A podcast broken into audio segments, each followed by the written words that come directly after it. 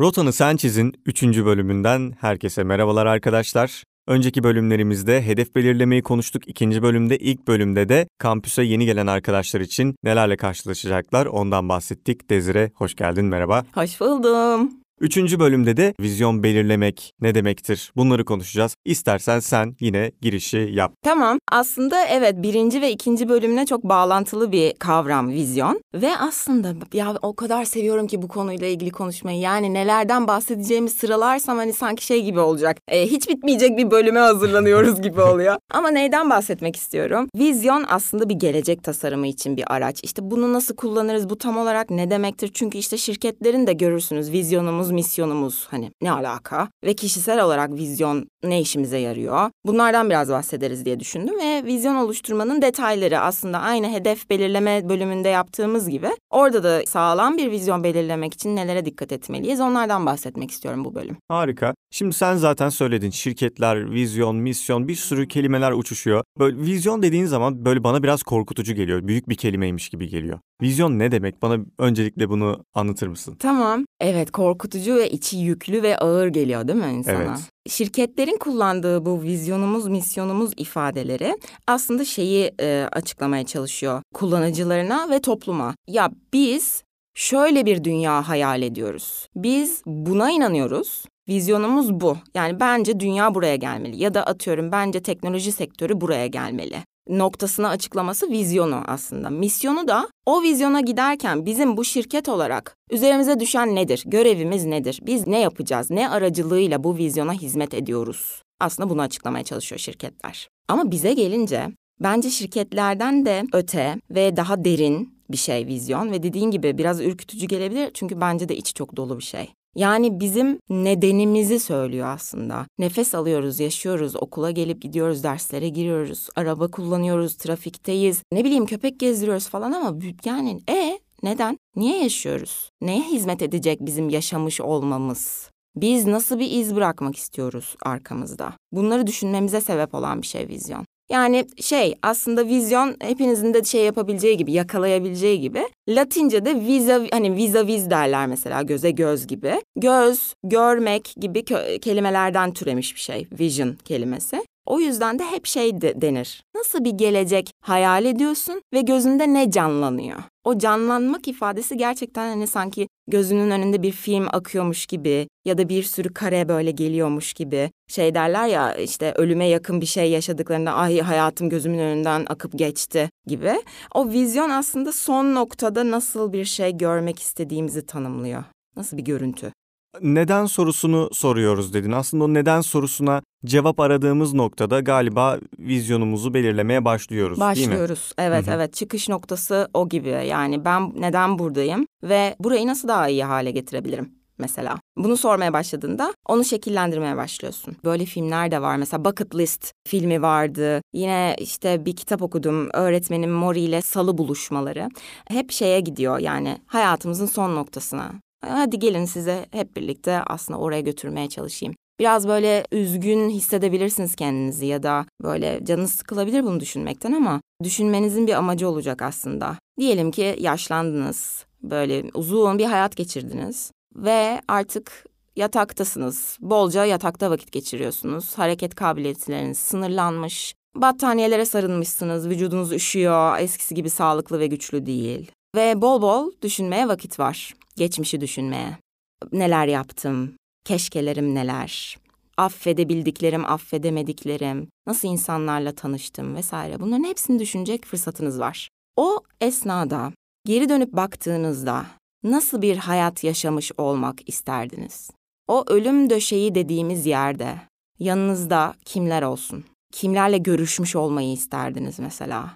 Kimlere ne söylemek isterdiniz en son? Ondan sonra insanlar size yanınıza gelip işte eski maziyi hatırlarken ya şöyle yapmıştık, böyle yapmıştık. Hatırlıyor musun şöyle bir şey yaşamıştık, şuraya gitmiştik, buraya gitmiştik. İşte oralar nereler? Neler yapmışsınız? Kimlerle tanışmışsınız? Bu hayatta ne üretmişsiniz? Hepsini gözünüzün önünden geçirdiğinizi ve o önünüzden geçen filmin sizde uyandırdığı duyguyu düşünmeye çalışın. Ölüm döşeğinde ne hissetmek istiyorsunuz? Pişmanlık mı hissetmek istiyorsunuz? Yoksa ölüm döşeğinde ya çok güzel yaşadım be. Hakkını verdim yani şu hayatın. Güzel insanlar biriktirdim, çok güzel işler yaptım. Ne bileyim kitaplar yazdım ya da şu projeleri ürettim, şu filmleri çektim. Üzerinde adım yazan şunlar şunlar şunlar var diyebiliyor musunuz? Sevgiyle sarmalanmış mısınız yoksa yalnız mısınız mesela o ölüm döşeğinde? Bunları düşündürmek aslında, vizyon oluşturmak. O yüzden evet dediğin gibi derin, ağır. Seninle bu stüdyoda olmak harika.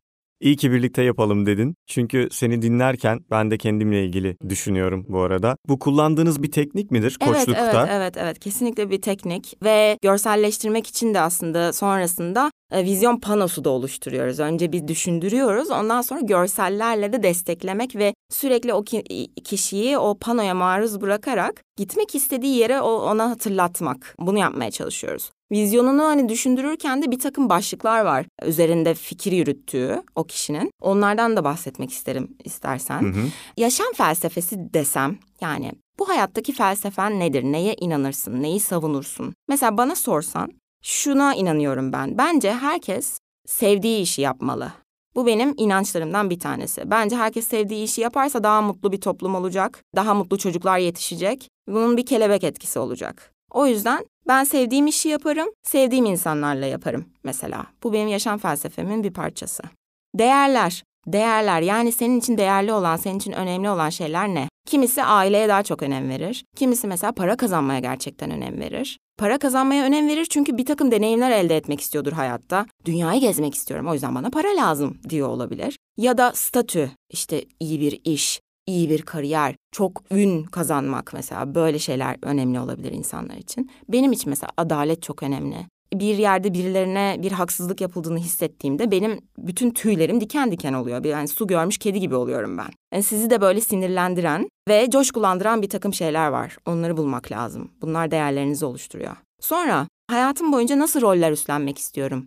Hangi şapkaları takmak istiyorum? Bunu sormamız gerekiyor kendimize. Ben mesela bir eğitmen rolüm olsun istiyorum koç rolüm devam etsin istiyorum. Psikoterapiye yönlenmek istiyorum. Ondan sonra iyi bir anne olmak istiyorum mesela. Dolayısıyla ilerideki o filmin sonunda çocuklarımın yanımda olmasını istediğimi çok net biliyorum. Mesela bunu söyleyebiliyorum şimdi.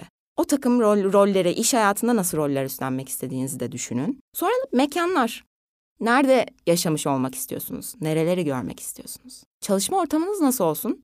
Yani bütün gün masa başında mı olsun, daha güvende mi hissediyorsunuz kendinizi öyle yoksa doğayla iç içe bir şekilde mi bir iş yaşantısı istiyorsunuz? Bunları düşünün. Sonra maddiyat. Tabii ki. Nelere sahip olayım? Benim için neler yeterli?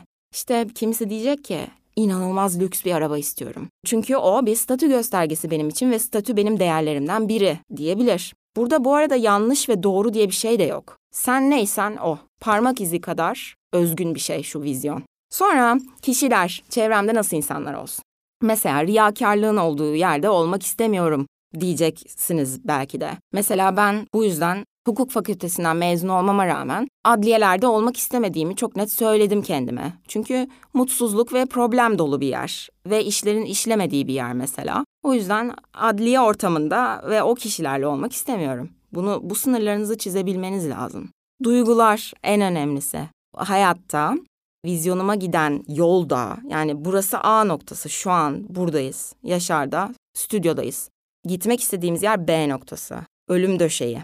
İşte o A ile B arasında ben hangi duyguları deneyimlemek istiyorum? Mesela çok büyük heyecanlar yaşamak istiyorum diyebilir biri. Biri diyebilir ki sessiz, sakin, böyle dingin bir hayat yaşamak istiyorum. O duyguları da sorgulayın. Çok büyük bir aşk yaşamak istiyorum diyebilir biri. Biri diyebilir ki ben milyonların beni izlediğini bilmek istiyorum ve o hayranlığı duyumsamak istiyorum diyebilir. Ama bunları da düşünün. Deneyimler işte. Neler yapmak istiyorum? Bu tamamen bucket list. Ölmeden önce neler yapmak istiyorum? Ben mesela paraşütle atlamak istiyorum. Bungee jumping yapmak istiyorum. İşte mesela podcast yapmak ölmeden önce yapmak istediklerimden bir tanesiydi. Ve mesela onun yanına bir tik atabiliyorum. Bu tarz hangi deneyimleri elde etmek istediğinizi düşünün. Ve en önemlisi yani bu olmazsa diğerlerinin hiçbirini yapamayacağınız şey sağlık.